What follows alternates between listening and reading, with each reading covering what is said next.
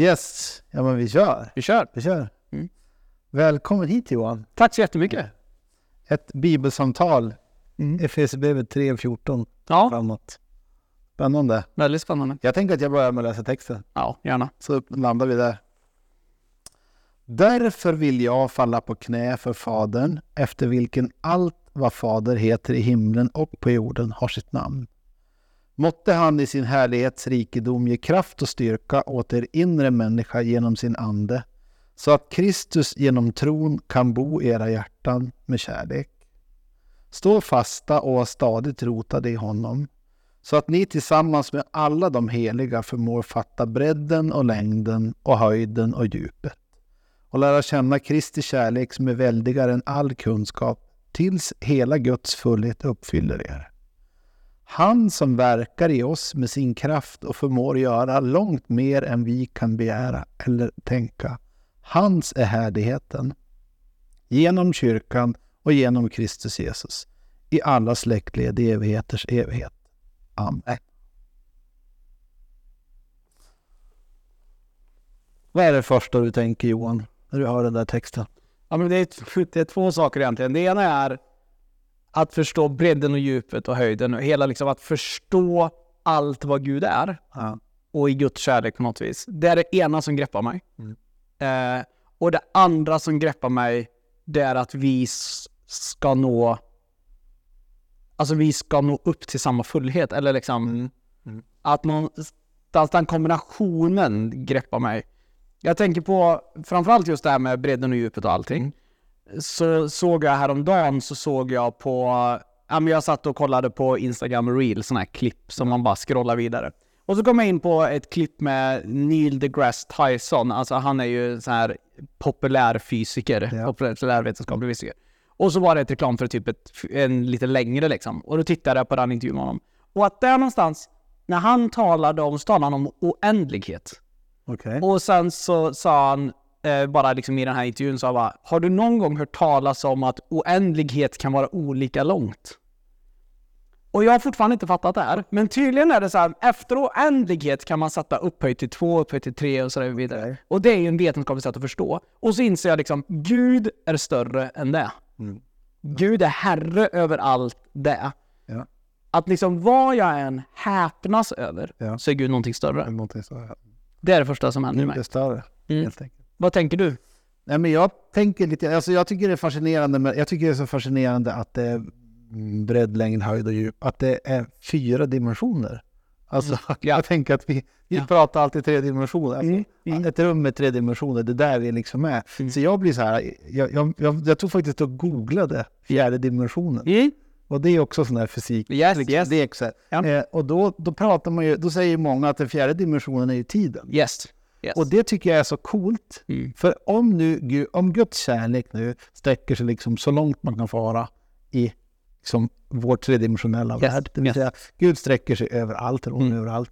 Men Gud, Guds kärlek rår också över tiden. Mm. Mm. Då tänker jag, då blir det ju ännu häftigare på något sätt. Alltså, Mm. Guds kärlek, ja man, vi sjunger med barnen framför dig, bakom dig, över dig, under Mm. och så vidare. Och det är med där. Men Guds kärlek är också i tid, alltså Mm. oändlighet eller evighet så att säga. Mm. Där. Eh, och det blir på något sätt, det, ja, tanken svindlar det blir omöjligt. Alltså det blir omöjligt att greppa på något sätt. Så jag tänker att det är lite roligt att Paulus säger att vi ska förstå det där. Ja men exakt, och att vi ska, ja, men ex- exakt, vi ska komma till den, att Ja. förstå det. Och jag tänker då att, men om jag knyter tillbaka till just det där, den där med fysiken då, så talar man ju om det, när vi ser stjärnor på himlen, då ser vi ju det som skedde på stjärnan för så lång tid ifrån, sedan den är ljusår därifrån. Och då talar man ju om att det ljuset som är längst bort, som människan har kunnat skåda, Ja. det bedömer man ju att det är från Big Bang vi ser. I princip. Just det. Och då att bara tänka den tanken, just det du sa, att Guds kärlek, den är geografiskt allt vi kan tänka oss. Men också den tiden. Ja. För vi ser redan spåren av det. För att på något vis så är det så att Gud skapade världen för att Gud älskade. Mm. På något vis. Och att där kunna se att, och det är ju svindlande, otroligt Ja, svindlande, att kunna se att och där kan jag tänka också det finns en sån enorm tröst i också. Att kunna se att, och jag, när jag såg det där klippet då, eh, då pratade, de pratade just om det då, oändlighet i olika dimensioner och så vidare. Och att oändlighet växer ju. Det är ju det man menar med den fjärde dimensionen, Just det. växer ju det man kallar oändlighet. Och då, då var det som han sa att, eller då, då kopplade jag ju det till att det är inte undra på att vi som människor kan känna tröst av att titta på en stjärnhimmel. Alltså för att någonstans så är det ju då att mitt i allt det där, vad älskar Gud verkligen mig? Älskar Gud verkligen oss? Att kunna se att även på stjärnhimlen kan vi se det. Precis. Men det där är ju också fascinerande. Jag tycker att om nu tanken hindrar det där, den här tankegången på att oändlighet eller evighet, att, att ja, Mm. det här med att det så att säga växer. Eller, Mm. Jag tänker när man pratar om ett växande universum. Mm. För mig som troende Mm. så känns det rätt självklart. Alltså jag tänker att Gud är, Mm. alltså den, den Gud jag anar Mm. är ju, sig, är ju stor, den stora kreativiteten, så varför skulle Gud vara färdig? Alltså liksom, förstår du i det här? Alltså, Ja. Att det liksom finns någonting i det. Jag tyckte en annan spännande tanke i det här som jag googlade då, Mm. eh, det är ju att man pratade om rumstid. Ja. Eh, och när man då pratar om, om man pratar om en punkt Mm. i rumstid, Mm. då är det en händelse. Alltså en, mm, så beskrivs det, Yes. det är en händelse. Mm. Och då tänker jag att den här kärleken är ju i mångt och mycket en händelse, det vill säga det är, en, det är Jesus Kristus. Alltså Gud blir människa Mm. i en specifik tid. Mm. En händelse sker. Mm. Eh, det föds ett barn, Mm. eh, lever här, Mm. eh, dör på ett kors. Det är en händelse. Liksom så. Mm. Eh, och det tycker jag också är häftigt att tänka in i den där kärleken. Att den där kärleken blir så konkret på något sätt. Ja, och att någonstans i det, att se att det som vi har berättelser kring att människor har upplevt och erfarit Gud, eller rent krasst att människan har varit i närheten så att säga av, då talar man om det här när man talar om tid utifrån också dygnets timmar. Då brukar man ju säga att mänskligheten har levt de sista fyra sekunderna utav det. universums dygn, Ja. så att säga. Och att då tänka det att Gud har varit omkring hela den tiden och älskat. Eh, och att någonstans medan vi i vår uppfattning tänker att det var väldigt snabbt Gud Ja. skapade människan. Just utifrån bilden utav dygnet, liksom så. Eller och veckan. Men att faktiskt se att omfattningen är så, den är så stor och den är så enorm. Ja, jag fastnade lite där i tanken. Men Ja, men det där, tanken svindlar ju på det där. Men jag tycker att det annan- finns en annan sak den här texten som jag... Som jag alltså, dels har jag alltid tänkt att den här texten handlar om, om, om gemenskap. ja, Alltså att, ja. att den liksom... Alltså den här, mm, han skriver ju till en gemenskap, han skriver till en församling och att, att Guds kärlek ska uppfylla er. Och jag, jag använder nästan alltid den här texten när vi välkomnar nya medlemmar. just det. Eh, därför jag tänker att vi är som pusselbitar, eller vi är... Jag, pusselbitar är så dålig bild, för då är man helt... Man ligger liksom helt... Men jag tänker att man, vi är överlappande bilder. Ja, ja. Men det finns ju saker som du har anat om Gud och som jag har anat om Gud, där vi liksom har anat samma sak, eller tror samma sak. Mm, absolut. Och så finns det saker som du har sett som jag aldrig har sett och kanske aldrig kommer att se. Det finns saker som jag har sett som du aldrig... Och så tänker jag att bilden liksom blir större. Yes, yes. Och där tänker jag att där blir ju någonting av... Eh, men det som, det som också får min tanke att svindla i den här texten, det är ju när han skriver då att, att... För jag tänker att Guds fullhet ska uppfylla oss, det är ju någonting... Alltså, Gud är ju sin fullhet, alltså Gud är ju, Gud är ju den Gud är, så att säga. Och Gud kommer till oss med sin kärlek och vill fylla våra liv, det köper jag. Men när då han säger att hela Guds fullhet ska uppfylla er, det står ju faktiskt då. Eh, och då tänker jag så att det är ju en omöjlighet. Mm. Eh, dels utifrån att jag inte kan förstå det. Mm. Men jag tänker också att det är en omöjlighet utifrån ett väldigt individualistiskt tänkande. Absolut. Men utifrån en gemenskap Mm. så tycker jag att det är så fascinerande tanke att Gud som är oändlig väljer att, att, att lägga sin fullhet Mm. i kyrkan, i församlingen. Men, eh, ja men exakt, det köper jag. Men är inte det i grunden att vi ska förstå fullheten? Det tänker jag mig som ett sorts... Jag tänker nog att det är ett evighetsperspektiv. Ja. För då ska på något vis församlingen bli ett med Gud. Men i det att faktiskt vi ska förstå att, precis som du säger, att eh, det är ju inte en enskild individ, precis som du säger, Mm. som ska förstå fullheten. Utan det är ju tillsammans, och att det är någonstans sammanväxten av varandra.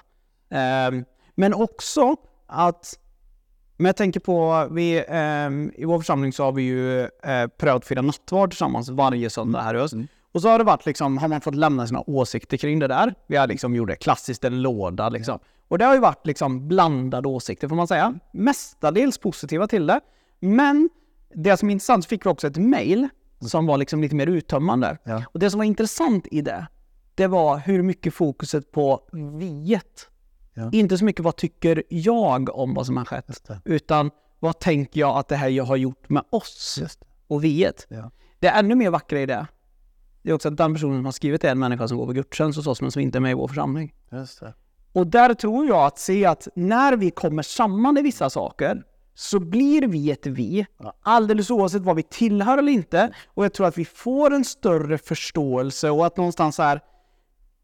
Jag tänker ju att alla människor kommer med någon unik bild, en unik del av sin gudsupplevelse som inte så många andra har upplevt.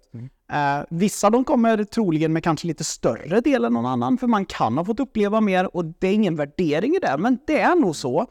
Men att vi faktiskt också inser att alla kommer med något unikt. Mm. Ehm, och att den där, på något vis, byggandet av bilden handlar väldigt lite om vad vi... Ja, men det mänskliga är ju att vi tänker, det här är församlingen. Mm. Liksom. Medan jag tror att Gud ser det på ett helt annat Ja. sätt. Det är liksom... Ja, men jag tänker att det där är ju, alltså, hela den, hela den bilden av att Gud bygger, alltså i gemenskapen som Mm. uppenbarar sig Gud, gör ju också vår, mm, min syn på kyrka och församling eh, till något helt annat. Alltså jag har alltid tänkt när jag läst den här texten att det handlar ju inte om, det handlar ju inte om att jag kan fånga upp tillräckligt många gudsbilder genom andra människor. Det handlar inte om att jag springer runt, nu sitter jag med Johan och suger upp det gottaste av Johan och så träffar jag någon annan och så suger jag upp det gottaste. Och så kommer min förståelse av Guds kärlek, att, ja den kommer ju naturligtvis växa för jag möter människor. Men, men det, det är liksom inte tänkt att jag ska härbärgera, utan det är vi som ska härbärgera. Mm. Och, vilket gör att vi blir liksom beroende av varandra. Mm. Det, liksom, det finns en beroendeställning, Mm. inte bara till Gud, utan också till gemenskapen. Att säga. Mm. För det är där i gemenskapen som den där kärleken uppenbaras på något Mm. sätt. Sen levs den naturligtvis i våra vardagsliv där vi är Ja, var för sig. Och, den levs, och det är det jag tänker att Gud fyller. Men den där fyllnaden sker i någon form av gemenskap som jag tänker är ovärderlig. Ja, men, precis. Jag, jag, jag tänkte på det, jag satt i samtal häromdagen med en kollega i Vännäs som är pastor i ett annat sammanhang.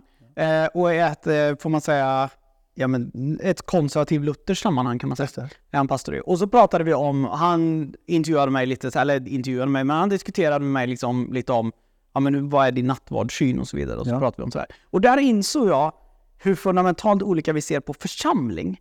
Där jag tänker ju, det jag sa liksom så här, men för mig är det liksom så här att om någon i min församling har en avvikande åsikt för, kring vad större delen av gemenskapen tycker är en fråga, så tycker inte jag att det är jätteproblematiskt. Sen så är det klart att den, kanske inte, den åsikten kanske inte predikas liksom. Men att jag tycker inte det det är väl inget problem. Det, det kan vara berikande och samma sak som jag sagt att när jag söker och försöker förstå Gud så älskar jag att lyssna på människor som jag i grunden tänker ja men de här kanske jag tänker till 90% håller jag faktiskt inte med. Men det kan berika mig. Eh, och där jag insåg jag liksom hur olika fokus vi har. Där han mycket mer var så här, ja, men det är viktigt att man är, att det är rätt. Liksom. Medan jag tänker liksom, och så frågade han liksom, det känns, men för han försökte väl liksom också då dra en sorts fyrkant, otroligt luthersk tanke, men dra en fyrkant kring vad är kyrkan? Jag försökte liksom förstå den tanken. Ja. Medan det jag sa liksom, jag tror inte det är så enkelt. Nej. Utan att någonstans se så här att vi är beredda att pröva rätt mycket. Mm. Mm. Och det finns någonting vackert i det. Absolut. Och jag tror att den prövningen, den kommer ju också i, i önskan och längtan att söka, liksom att förstå Guds kärlek, både, förstå både djupet och höjden och bredden och liksom den fjärde dimensionen så att säga. Mm. Och att, att där se att ehm, jag tror att det är, liksom utan att på något vis säga vad jag tycker om hans tanke. Mm. För någonstans är Gud välsigne dig känner jag. Mm. Men samtidigt så kan jag uppleva själv att där har jag upplevt att jag har berikat så djupt i min tro. Just det. Av det Mm. breddsökandet, av det djupsökandet, av det. Ja. Men jag tänker på det där du sa om, om din kollega där. Och Mm. på, alltså, den här kärlek, alltså det som Paulus skriver om att, att upptäcka kärleken. Det, jag tänker att det skapar mycket nyfikenhet. Alltså att, att det finns ett utforskande. Alltså, Mm. vi inbjuds också till ett utforskande i Absolut. gemenskapen. Mm. Jag tänker att, att det är så lätt att vi... Eh, det är så lätt att vi på något sätt också gör Gud fyrkantig. Ja, absolut. Alltså sångar in Gud i på något sätt, Ja. pappret på något sätt. Mm. Jag tyckte det var så fint. Jag såg, det var ju det, eh, eh, 30 minuter med Martin Modéus Ja. på SVT Play. Och så får han frågan om, om, om eh, hur han liksom, hur vet att Gud finns? Ja, men Mm. Det är ju samma sätt som inte vet en annan människa. Alltså, Mm. det, det är inte på det planet. Mm. Alltså, hans beskrivning av att det liksom är, det är kärlek, det är relation, det är upptäcka, det är liksom, jag kan aldrig veta allt om en annan människa på samma sätt som jag aldrig kan veta allt om Gud. Jag tycker att det finns någonting oerhört. För det gör ju också att det finns en, alltså det gör ju också att, att relationen är ju av intresse i, o- oändligt så att säga. Alltså, Mm. jag, har ju, jag har väldigt svårt att tänka mig att, att evigheten skulle innebära att en dag så vet vi allt. Alltså, förstår du? Alltså, Ja. att jag tänker att evigheten måste ju vara, måste ju vara ett fortsatt liksom, relationsbygge där sår och trasighet och eh, synd och sånt som sargar är borta. Mm. Men det är fortsatt ett fördjupat.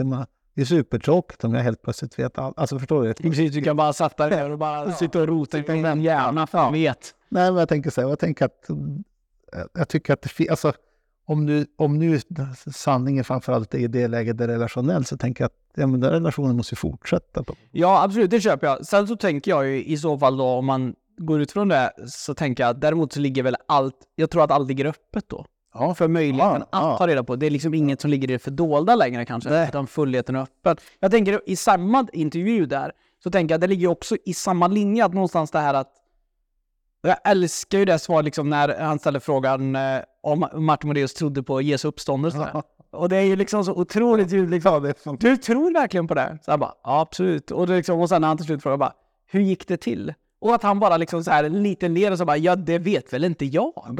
Och någonstans, alltså jag tycker det är så ljuvligt svar på frågan. För allvarligt talat, det spelar ingen roll vilken, jag tänker liksom, det, det, det som jag tycker blev så uppenbart i det klippet, det var liksom det här när clinchen mellan en, liksom, vad ska man säga, missförstå mig rätt nu, en naturvetenskaplig mä- världssyn och mer av en, en liksom en världssyn som också bygger på att det finns liksom en gudomlighet eller så vidare inblandad. Att någonstans se mysteriet. Och samtidigt skulle jag säga att jag då som tycker det är ju superspännande med naturvetenskap och olika grejer, att, att se att jag upplever att många forskare finns ju där också. I att liksom det är mycket som är mysterier vi inte kan bli gripa. Precis. Och någonstans i det, precis som du säger att eller som vi säger, liksom att en dag så kommer mycket ligga öppet för oss. Mm. Men givetvis så är det ju nog ett fortsatt sökande. Eller liksom, Ja, men jag tänker att han den här texten också landar i Gud som förmår göra mer än vad vi kan tänka. Alltså, ja. jag tänker, det är ju det du börjar med. Alltså Gud är större på något sätt. Alltså att Gud är... Alltså även, även när vi tror att vi har, ja. vi har greppat de här stora, svårbegripliga fys- fysiska lagarna och inser vi att det är men, och bortom det. Jag påminner om en sak häromdagen. Vi är ju, vi är ju i julveckan när vi spelar in det här. Och då läste jag häromdagen så eh, började läsa liksom före julen, men jag läste eh, ja, men en så här som jag kommer ihåg när jag gick i konfa. Ja. När man skulle svara på, har du, och så skulle vi alla läsa Lukas evangeliet under det här året. Det. Och så skulle man svara på, vilket var din favoritvers? Liksom som du kom fram till. Ja, och det var ändå starkt att jag då givetvis valde 1.37. Det är liksom, man hade kommit så långt liksom. Jag kanske inte hade djupläst allt så himla mycket. Men 1.37 är, eh, det är ju precis när ängeln är hos Maria. Och, och liksom att, och hon frågar, hur ska det bli möjligt? Och sen för människan är det omöjligt, men, men för Gud är det möjligt. För att liksom, och att någonstans ändå se det här att det finns ju någon sorts överlåtelse, tänker jag, i att när vi talar om det här att en dag ska vi förstå. Men att det finns ju också en sorts vila som jag tror är essentiellt i det kristna livet. Att förstå att, ja men verkligen det här Martin Modéus förhållningssättet till det, men det vet väl inte jag. Men att för Gud, min tro bygger på att för Gud är ingenting omöjligt. Eh, och att det enda sättet jag kan komma närmare det, det är att söka tillsammans med andra.